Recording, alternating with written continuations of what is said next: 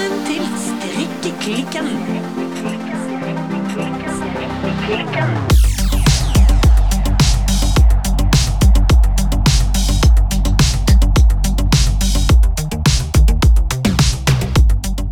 Hei, Silje.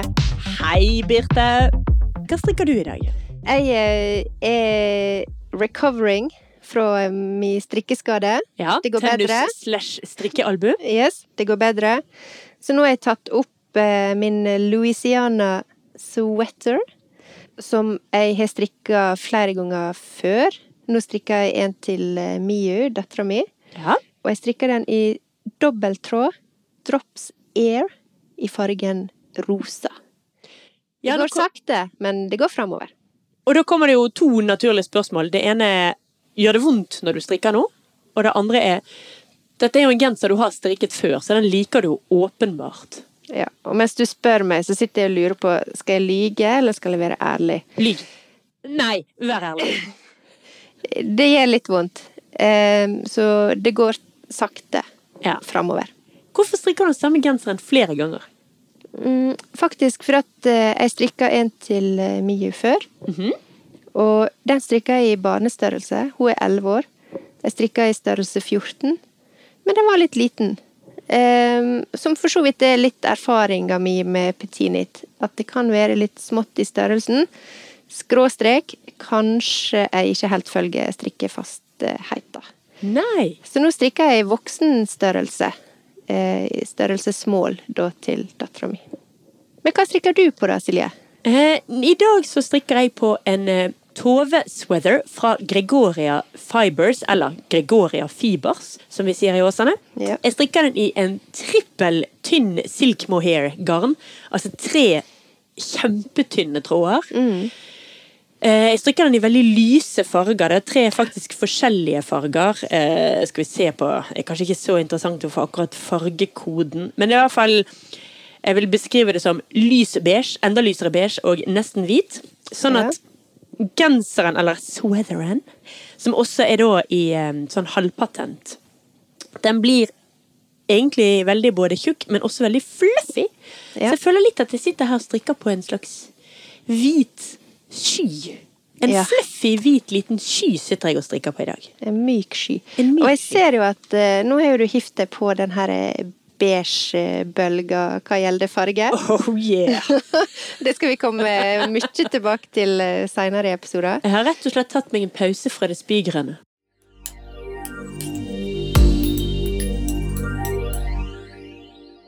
Og så lurte jeg eh, på, Silje, for det er sist gang vi snakka sammen. Ja. Eh, Så helt på tampen av eh, første episode så strikka jo du en feil. Og du lot oss henge i lufta. Vi hadde en strikke-cliffhanger, Ja. rett og slett.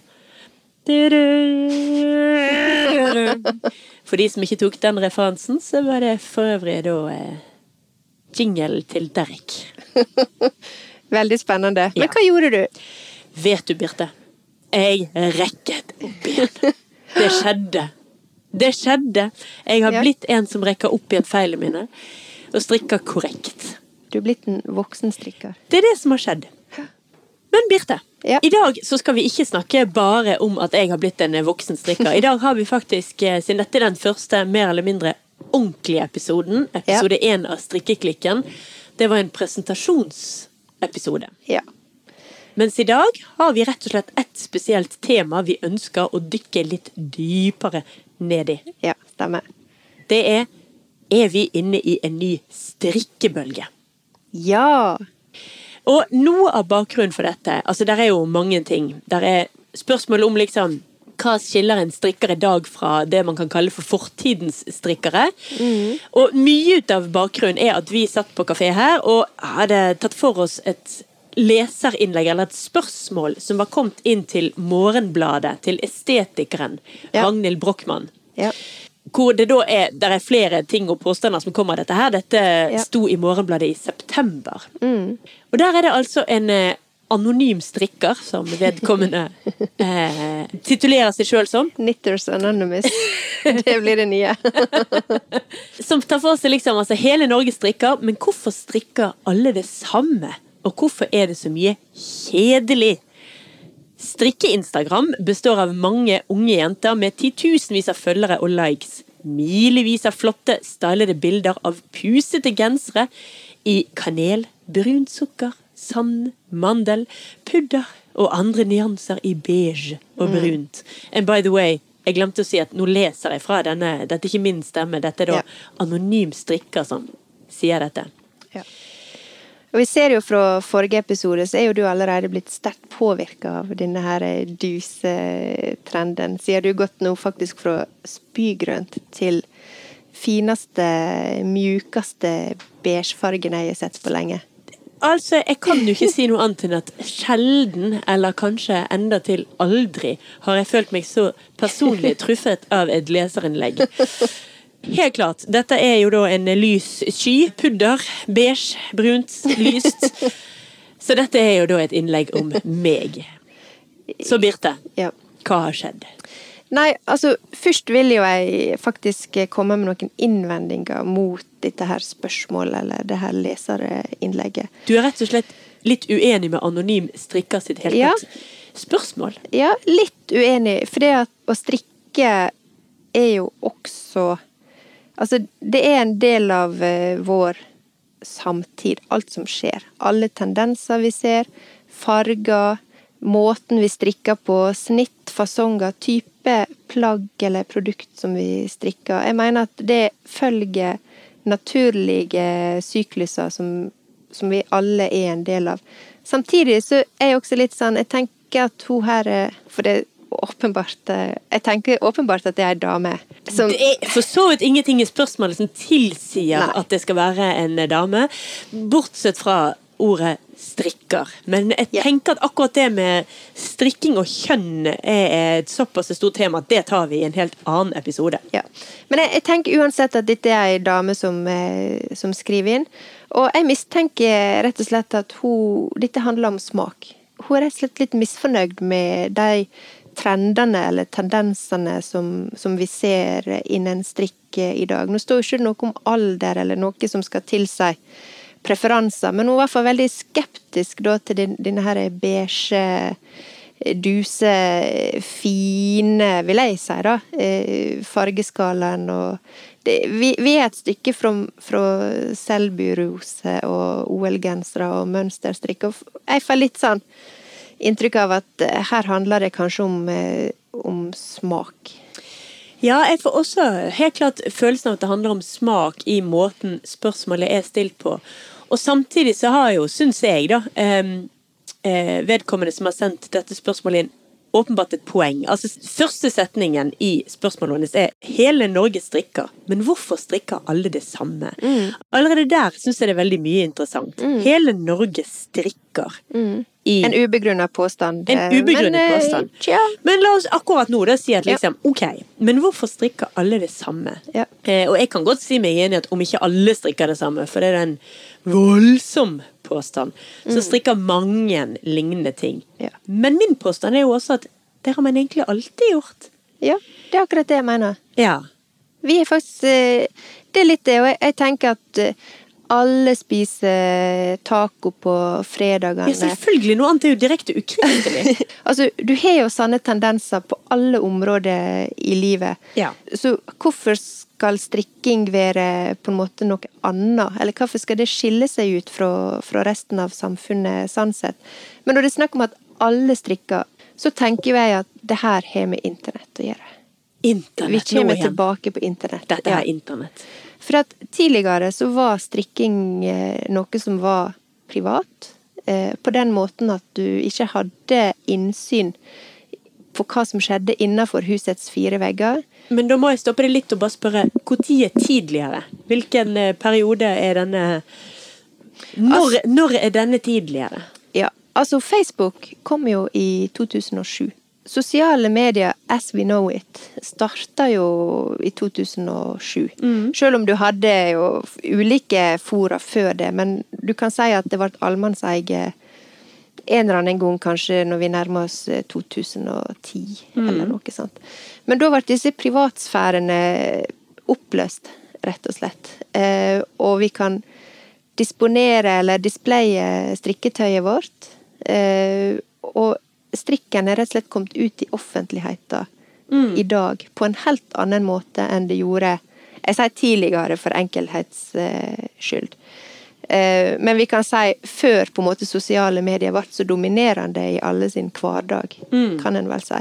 Så det er klart at når du da har den tilgjengeligheten og den åpenheten som sosiale medier gir, så vil jo det naturligvis, tenker jeg, føre til at du får store grupperinger som blir eksponert for det samme. Ergo det er lettere å velge likt. Og litt motsatt av det en kanskje skulle tenke med internett. For internett så Det skulle jo egentlig gjøre at alle kunne finne sin stil og sin greie. Men samtidig så skaper det sånne store bølger som vi nå ser og gir utslag i beige strikk, for Beige eksempel. strikk. Eh, jeg syns vi skal bare eh, for enkelhetens skyld kalle det beige strikk heretter.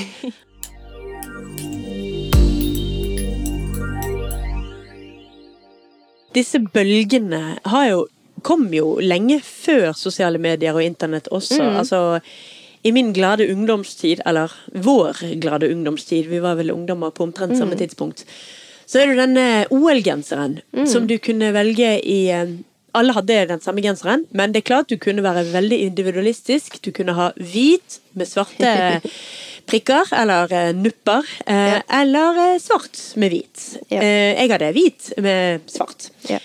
Men det var liksom de to valgene du hadde. Ja. Men det er klart, når vi snakker om OL-gensere, eller det kom vel også en del VM-gensere i kjølvannet da på 90- og tidlig Er det mulig, men de kom dessverre ikke til Åsane. Nei, 2000-tallet. Men det hadde jo eh, det hadde jo dåtidas eh, store kanal som var TV. Eh, altså, du, det hadde jo en kjempestor distribusjonskanal eh, i ryggen, for da- var det linær TV som gjaldt. Og OL og VM for så vidt var jo med på å synliggjøre disse her OL-genserne og sånn. Så det hadde et stort apparat, men et annet type apparat i ryggen som gjorde at det spredde seg. Eh, En skulle jo tro at, eh, at eh, internett kunne hjelpe til med å gjøre litt mer individuelle valg.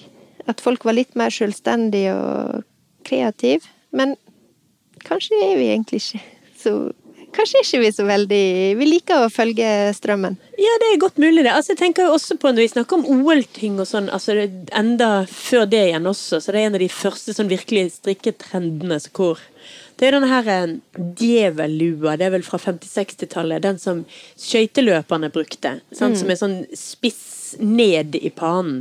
Var det kuppen? Eller var det Hjallis? Kuppen? Kupperen? Hjallis? Hjallis hadde jo i alle fall ei sånn egen strikkehue. Ja. Nå skal ikke jeg akkurat gå inn på mine Nå skal du høre meg og mine sportshelter fra 50-60-tallet. Jeg skal ikke legge ut om det. Poenget mitt er vel mer at strikkemoter kommer og går. Og ja, helt klart, vi er inne i en eh, beige, den beige tid. Gi oss et par måneder til, så skal du se vi alle hopper til noe helt annet. Um, og det Så er det litt sånn naturlig. Ja, det er jo litt fashion, turn to the left, fashion, turn yeah. to the right. Det, vi går jo dit de andre går. Og så går du en hel sirkel, og så kommer du tilbake igjen til start. Og så begynner du på nytt igjen. Så påstanden din er at innen et år går vi alle med djevellue? Kanskje en variant. Ja, det går ikke så fort som et år, da. Tidligere har en snakket om en slags sånn tiårssyklus. Eh, men mitt inntrykk også er jo at av internett så går disse syklusene raskere og, og raskere. Men ting kommer tilbake. Det er egentlig det eneste vi vet om mote. Ting Ja. kommer tilbake igjen. Av og til blir det en ren kopi av det som har vært tidligere. Av og til så er det med nye impulser, eller tolka på nye måter. Altså en tillegger på en måte litt samtid inn i, inn i et gammelt uttrykk, og så blir det noe nytt. Men samtidig med en klar eh, henvisning eller referanse til noe som har vært tidligere.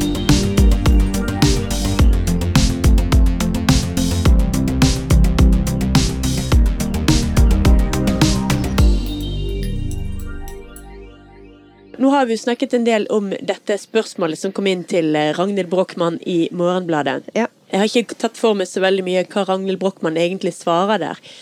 Men det ble også en slags eh, follow-up, som man sier på godt norsk, av dette spørsmålet til Morgenbladet, hvor Ragnhild Brochmann ble intervjuet av eh, Var det Dagsavisen? Ja, stemmer. Ja. Ja. Hvor hun da nesten drar svaret sitt enda lenger og setter dette med om ikke både strikking og ikke minst denne trenden, da, den beige trenden, Ja. eh, i en sånn sammenheng med dette En slags ny fokus på bærekraft og det økologiske og det nære og det plantebaserte kosthold osv. Mm, Og der, i tillegg til at jeg nå sitter og strikker eh, bare på én uke, har gått fra spygrønn til eh, lys beige, så følte jeg meg jo litt tro, truffet der også, da. For det er jo ingen hemmelighet, mellom oss to i alle fall, at jeg er mer enn eh, normalt opptatt av planter. Eh, at jeg er den stolte innehaver av eh, fire supersøte høner som tupper rundt i min hage. Ja. Eh, dermed økologiske, kortreiste egg. Jeg Ja. eh, dyrker og planter og gomler i med ting jeg graver opp fra jorden. Og nå Ja. sitter jeg pinadø her og strikker i beige. I tillegg. I tillegg. Birte, er det ingen individualisme igjen hos meg? Vil du jeg skal redde deg nå, eller skal Ja. jeg bare si fashion hit you, Silje? altså, for meg så er jo denne koblinga mot bærekraft, altså strikking og bærekraft For meg så er den koblinga mer relevant i forhold til aktiviteten strikking, som jeg mener eh, går mer, kommer mer inn på den her eh, kortreiste eh, heimebryggeri høne, om du vil. Altså, det er mer den livsstilen eh, Altså den symbolikken som ligger i å velge ting som er nært, eh, og ting som sånn sett da Det er noe med å gå tilbake igjen til det ekte og det genuine, gjøre ting på gamlemåten. Så for meg så er, det Tenker jeg mer på aktiviteten strikking i forhold til bærekraft. Eh, ja.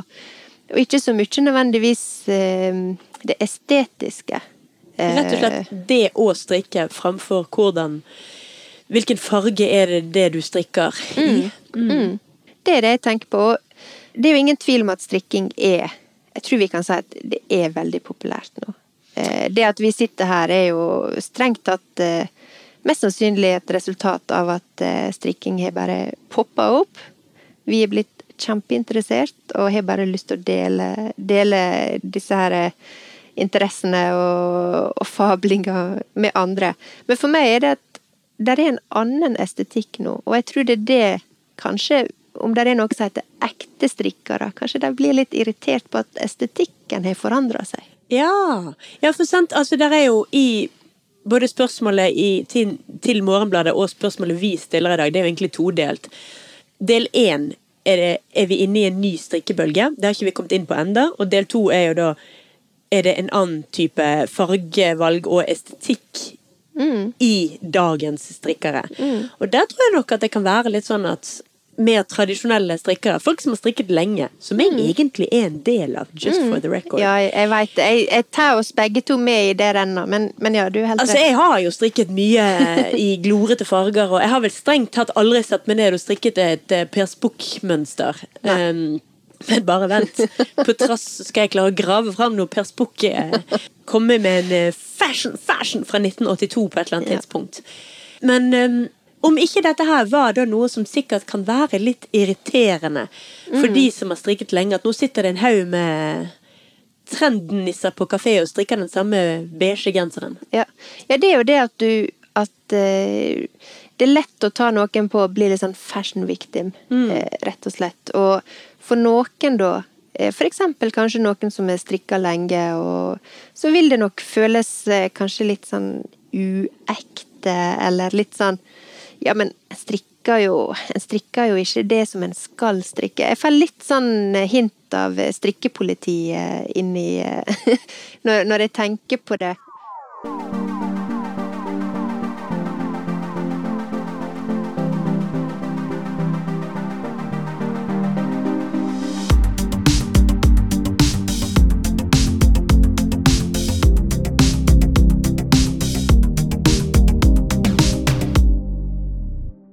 Jeg ser jo på meg sjøl som en del av denne her nye generasjonen av strikkere. Og for meg handler det om mye om estetikk heller enn alder. Jeg skal, jeg skal liksom ikke påberope meg å, å være liksom young eh, new generation, men for meg handler det om, om, en om estetikk. Du er i hvert fall og- en ny strikker, da. En ny er strikker, og jeg er med på denne her strikkebølga, hvis du vil eh, kalle det. Ja, for det er jo neste spørsmål. Er vi faktisk inne i en ny strikkebølge, eller har, har egentlig bare folk alltid strikket så mye som nå? Nei, altså folk har faktisk ikke strikka like masse som nå. Under korona så har jo faktisk eh, strikkeinteresser tatt nye steg. um, men Ja, altså det, er, det som gjør altså strikking sånn helt fra gammelt av, det skal vi ta for oss i en egen episode. Sånn helt liksom tilbake til eh, hvordan var det først folk begynte med to pinner og én tråd og faktisk lage et strikkearbeid. Så den helt historiske greien skal vi ta en annen gang. Ja. Det vi skal snakke om nå, er jo mer da det vi kaller den nære strikkehistorie, altså strikking i et fra nå av og kanskje 20-30 år tilbake i tid. ja, maks, vil jeg si. Altså, Ja. i 2010 så hadde Statistisk sentralbyrå en eh, undersøkelse. Der var rett nok strikking ikke et eget spørsmål, altså det var ikke en egen undersøkelse på strikking. Men strikking var nevnt som en del av en sånn gjennomsnittsaktivitet, eller som folk brukte tid på. Og da svarte faktisk 5% av kvinnene, ingen menn, som strikka. 2010. Det, det, det syns jeg er utrolig det, Dette syns jeg er veldig rart. For hva er, hva er tallene nå, da?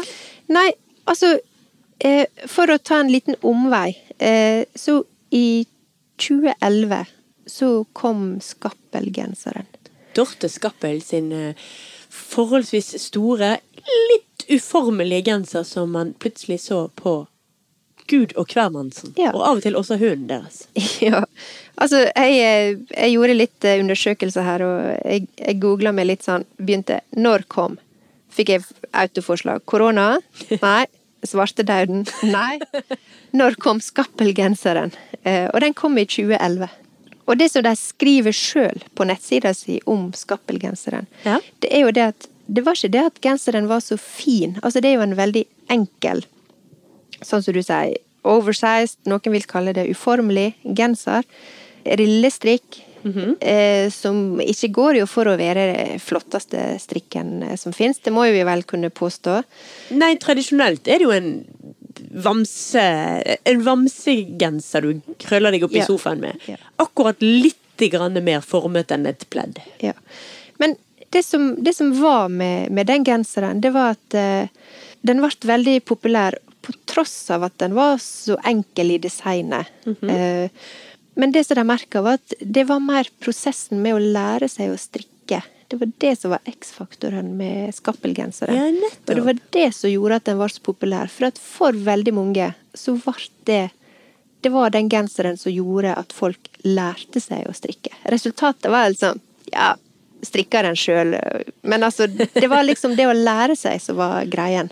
Altså, Nå må jeg jo innrømme at jeg aldri har strikket meg en, eh, en skappelgenser. Nei. Jeg har ikke jeg heller. Nei. Eh, Så jeg vet Men jeg har jo sett den både her, der og på både her og der sin hund, som sagt. Ja. Men den ser jo ut som en enkel sak å strikke.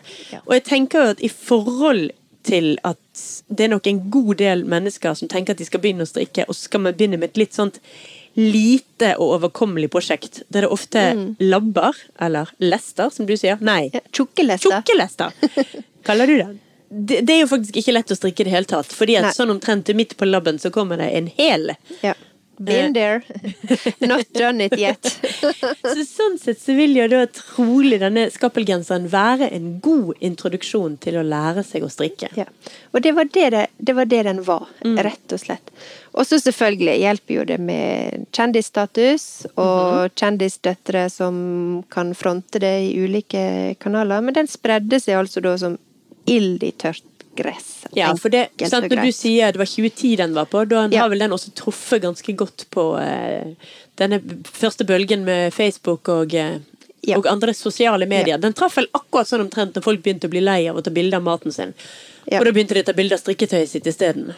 Ja. Eh, det var nok eh, mest sannsynlig godt hjulpet fram selvfølgelig også av, eh, av eh, sosiale medier.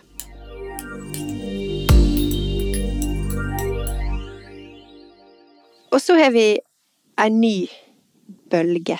Og det er nært kobla opp til eh, en genser som har ordet bølge i seg. Ja vel? Fordi at eh, i 2017 så lanserte da et dansk merke som heter Ganni. De lanserte en strikkegenser som heter Forsker Pullover. Å ja, altså sånn at de la ut eh, strikkeoppskrifter så folk kunne strikke sjøl? Nei. Da hadde de en veldig fin, litt sånn låden, eh, fussy, oversized sak eh, i sin kolleksjon. Som de da eh, la ut for salg i, i 2017. Oi, så de lager mer ferdig lagete klær, så folk kan kjøpe et ferdig plagg? Ja. Ok. Sånn som er ganske vanlig. Som en Levis bukse. Som rett og slett en ferdig genser, men ja. denne var da håndstrikket. Den var håndstrikka i Italia. En veldig fin genser, det må jeg si. Den treffer min smak. Eh, på et helt annet nivå enn eh, skappelgenseren, eh, for å si det sånn. Jaså, er den beige? Den kom i, i litt sånn duse farger, så vidt som jeg husker. Eh, rosa, lys rosa var veldig populær. Litt sånn pastell. Sikkert i en offwhite-sak eh, også. Men det som skjedde da, det var at det var ei som heter Anette Oppheim, -hmm. her i, fra Norge, som fikk tilsendt et bilde av denne her Ganni-genseren. Med litt sånn 'Kan du strikke den her til meg?'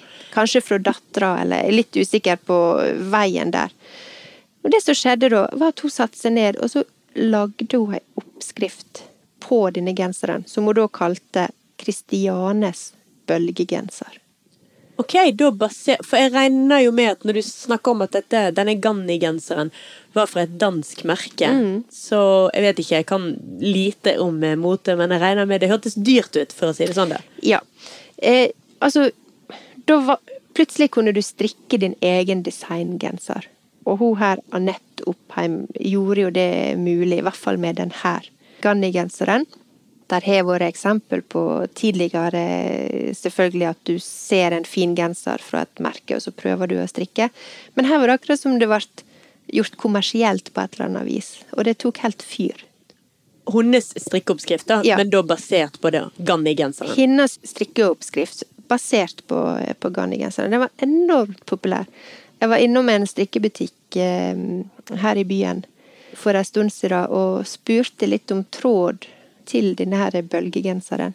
Ja. Og litt sånn, litt sånn rookie fram og tilbake. Ja, men hva med den, eller hva med den? Og hun som ekspederte meg, måtte bare si at jeg har solgt tusenvis av sånne Ganni-gensere. Altså garn til Ganni-gensere. Og det er én butikk i Bergen. Altså det er Den, den har tatt uh, helt av, rett og slett. Så den tror jeg også Jeg ser også på Instagram, mange omtaler bølgegenseren. Den lever fortsatt. Det er klart, 2017 er jo en stund siden, og siden vi nå snakker om mote og ting som går over og forbi og kommer tilbake igjen. Men den største bølgegenserbølga er nok eh, forbi oss, men den- lever videre i beste velgående. Og det er også veldig mange, seere som omtaler det som jeg vil kalle en ganske vanskelig genser. Den som er er sitt første også. prosjekt. Den er rett og slett litt vanskelig å strikke òg. Eh, Ja. Jeg måtte gi meg på den, for å si det enkelt. Så om 1000 år, når arkeologene da skal grave opp og finne ut hva de holdt på med i 2017, så vil de finne uendelig antall påbegynte Ganni-kopigensere? Ja, det tror, jeg, det tror jeg faktisk. Eller såkalte ufoer, som det blir kalla. Har du hørt om det uttrykket? Ufo? Ja. Nei? Det er når du har en sånn påbegynt rundstrikk, som da ligger der som en sånn Du trenger ikke beskrive det nøyere, jeg vet nøyaktig. Og dette har jeg mange. Og for et fint tilfelle at jeg nå fikk et navn Ja. på disse tingene, som du da gjerne har trukket rundpinnen ut av fra også. Men Ja. det er blitt liggende igjen som nettopp det. En ufo. Det er en ufo. Ja.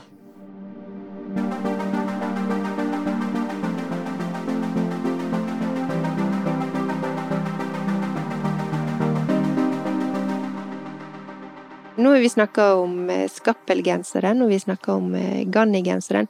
Dette er jo kanskje litt sånn Jeg tror veldig viktige faktorer til at mange har begynt å strikke. Eh, godt hjulpet av sosiale medier.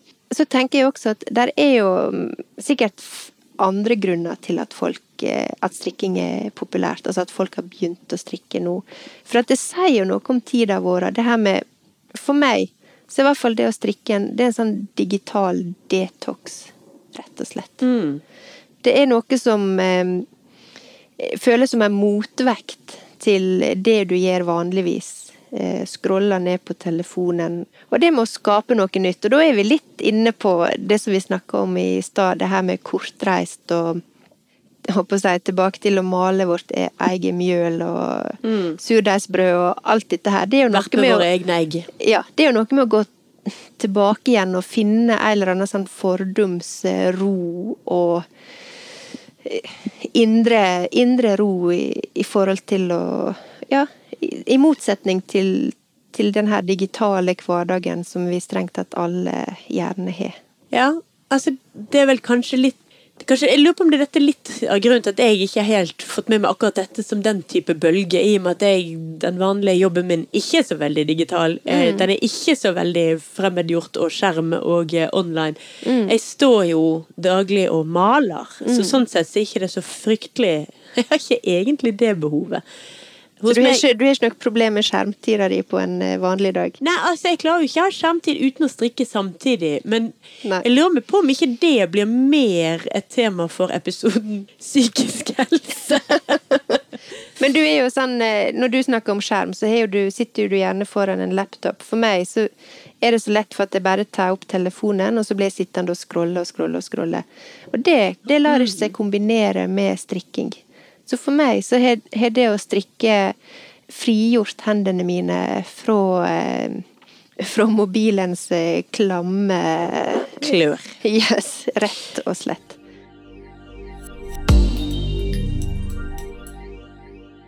Men du sa noe om at i 2010, 2010, mm. så var det ca. 5% av norske kvinner som strikket daglig, og ja. ca. 0,0% av menn i den undersøkelsen ja. som strikket daglig. Eh, mm. Og så forlot du oss litt der ja. med at du skulle komme tilbake til dagens status. Ja. Altså, nå refererer jeg til det 2016 eh, var denne nye undersøkelsen eh, gjort. Og da viser det seg at det her eh, prosentandel strikkere har økt til 43 for kvinner. På seks år?! Jeg skjønner ikke. Det er jo helt vilt. Det er helt vilt. Kan dette virkelig stemme? Altså, da er det jo helt riktig. Ja, vi er inne i en strikkebølge, da. Og vel så det. På den annen side så er det også et litt negativt ladet ord, bølge. Fordi mm. en bølge er noe som kommer, men hva gjør den etterpå? Den trekker seg tilbake. Mm. Hva tenker vi om det? Sitter vi her og forventer at dette skal bli så eh, like populært som hoppeball var på 80-tallet, eller er vi på, mer på skateboardet som kom og forble? Nei, altså, nå kan jo det virke som om strikkinga på en måte ja, rett og slett har blitt overlevert til en ny generasjon. Noe som vil tale mot at det er ei bølge. Det er rett og slett bare noe som lever, lever videre. Um, for i 2010, den, igjen denne Statistisk sentralbyrå-undersøkelsen, så var nesten alle de som strikka da, de var eldre enn 67 år. I 2010? Ja. ja. Da ringte de ikke meg, for jeg strikket i 2010, og jeg var ikke over 65 år i 2010. Nesten alle. Okay. Og de lærte seg gjerne å strikke på 70-80-tallet, og så har det liksom levd med. Mm. Men i 2016 så var det faktisk 30 eh, av de mellom 18 og 49 år som strikka. Så der ser du at det har hoppa, hoppa til en ny generasjon, rett og slett. Og en er ganske tydelig i hva som er grunnen til den auken. Ja vel? Sosiale medier. Også kjent som internett. Internett? Rett og slett? Ja. Altså, jeg er jo mye på internett, men jeg er ikke så mye på sosiale medier, må innrømmes. Men dette gjør meg jo veldig glad. Ja. Dette er jo plutselig en sånn greie om at oi, sosiale medier er ikke all skit jeg ville ha det til. Hvis dette faktisk får andel strikkere til å gå fra 5 kvinner til hva sa du, 45? Til 43. 43, Beklager, jeg bommet med 2 mm. 43% på seks år så er jo det helt fantastisk. Hvor skal det ende? Ja, hvor skal det ende? ja, det, og det er jo Vi snakker om litt sånn ytre, kanskje overfladiske faktorer, men likevel viktige. Skappelgenseren, Ganni-genseren. Men eh, der er jo også studier som viser altså der, Jeg la som en internasjonal studie som heter 'Knitting and Well-being'. Føler det var litt ledende tittel. Men eh, som er, er da tatt fra 3000 strikkere fra 31 land. Ja. Og som handler da om strikking og, og håndarbeid eh, i forhold til menneskets syke og velbefinnende. Ja. Og det viser seg rett og slett at strikking er sunt. Eh, Sier, sier damen som sitter her med strikkealbu og strikkeforbud fordi du har overdrevet. Ja. Men altså, det samler fokus, det roer ned tankene, og det vis, denne undersøkelsen viste at folk strikker seg ut av depresjon, sjalusi, raserianfall og ensomhet. Eh, Så det har stor eh, effekt på eh, de som strikker. Og det er klart, dette er jo noe som vi også kan kjenne oss igjen i. Den roa som du får når du sitter og strikker.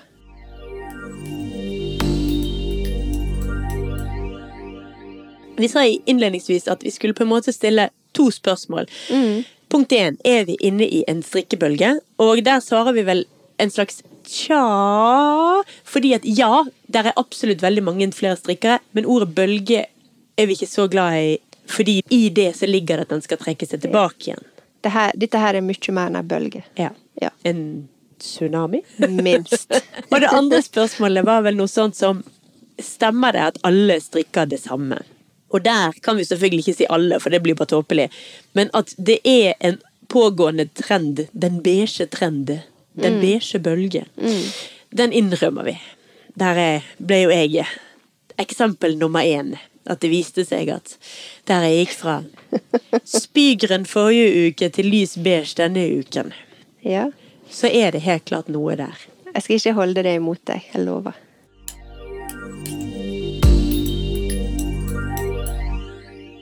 Men eh, da er det vel på tide å komme med noen tips? Da tenker jeg helt klart at vi er klar for eh, den, eh, vår faste spalte. Strikkeklikken Ja. tipser! Ja. Da, da, da. Hva har du lyst til å tipse Nei. om i dag? Veldig kort i dag.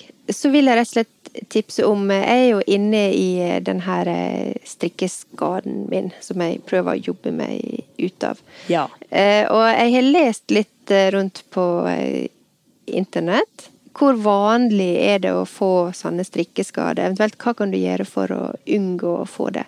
Så mitt tips i dag er å rett og slett finne gode måter å strikke på. Det fins erg ergometrisk Ergonomisk, kanskje? ergonomiske strikkepinner. Med Jeg har ikke prøvd det før, men jeg, lurer folk jeg tenker faktisk at jeg skal sjekke det ut. Mhm. Og det handler om å ikke holde så hardt på pinnene. En blir, kan fort bli litt sånn opptatt av skuldrene og slappe av i skuldrene. Det er kjempeviktig. Ja. Men tenk også på strikkestillinga på fingrene dine. For det som skjer, er at når du kniper liksom hardt rundt strikkepinnene, og det er det jeg tror jeg gjør, eller Ja. har gjort, så forplanter det seg oppover mot albuen. Selv om du ikke beveger så mye på albuen, så er det en anspenthet som du får. Og kanskje spesielt hvis du er ny å strikke, for da bruker du muskler og hendene dine på en ny måte. Og hvis du da som meg blir totalt hekta, så er det lett å fyre av gårde i full fart, strikke timevis hver dag i det høyeste tempoet du klarer. Men prøv å tenke på hvordan en strikker, for det tror meg du, du har ikke lyst til å, å måtte ta strikkepause. Nei. Eh, prøv å unngå det. Så det er mitt tips. Tenk litt over strikkestilling og hvordan du bruker fingrene dine, hold det rundt pinnene, og sjekk gjerne litt på internett. Tips og råd om hvordan du kan unngå å rett og slett bli litt sånn strikkeskada.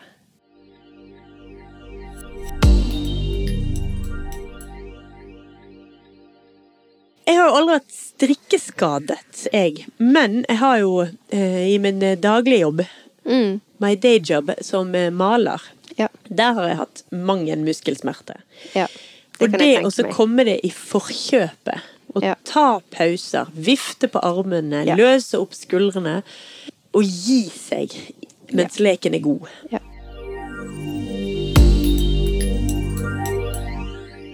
Men Silje, hva, hva er ditt tips denne veka? Jo, nå skal du høre.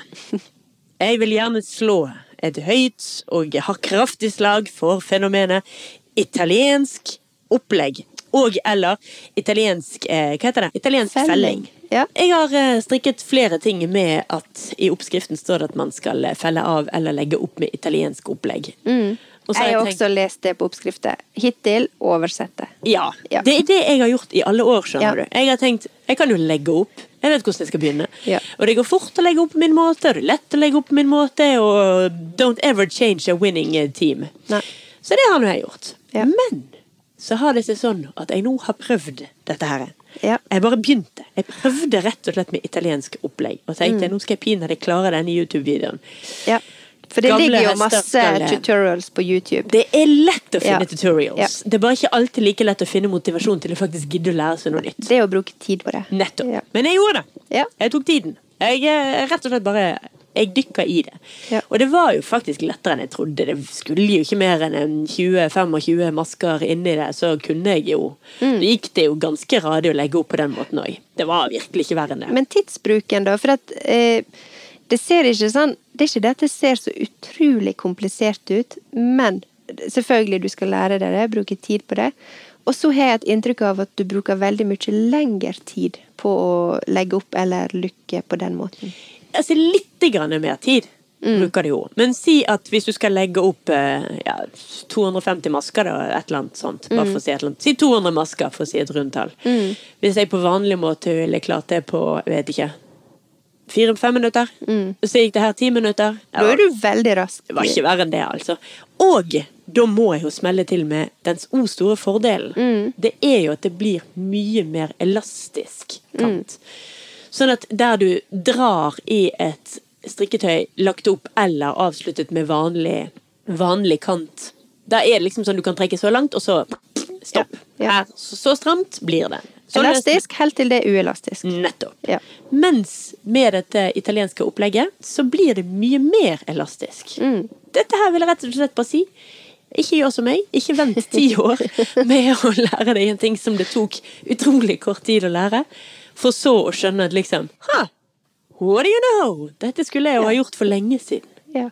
Men det er jo et, et bra tips. Det er jo kanskje ikke totalt nybegynnertips, men det kan være greit å vite, for jeg ser at det er nevnt i mange oppskrifter. Ja. Det kan være greit å vite litt eh, hva det er, og når en føler for at en er klar for å lære seg noe nytt, ny utfordring.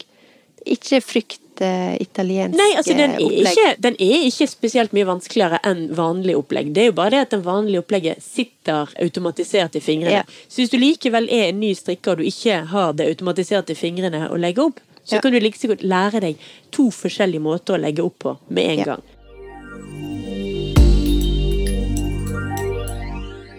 Men du Silje, helt til slutt i Ja. dag. Sist gang vi snakka, eh, så eh, kunne du fortelle at du følte deg som en litt sånn hålete leggevarmer. Og jeg må jo bare følge opp. Hva, hva strikkeplagg føler du deg som i dag? Nei, altså nå tok jeg jo da dette her innlegget i eh, Morgenbladet litt til eh, Det ble jo litt forstyrrende at jeg var litt mer eh, standard enn jeg trodde, da. Da var jeg jo plutselig en beige strikker med høns i hagen og planter på kjøkkenet. Ikke at det er noe galt med det. Ikke noe galt med det. Nei. Vi er greie, vi også. Vi er bare ikke like individualistiske som vi liker å tro. Så derfor så føler jeg meg i dag som en grå, klassisk, men tykk og litt kløete vadmelsjumper. Uh, den hadde jeg faktisk ikke forventa. Du forventet ikke at jeg skulle være en jumper.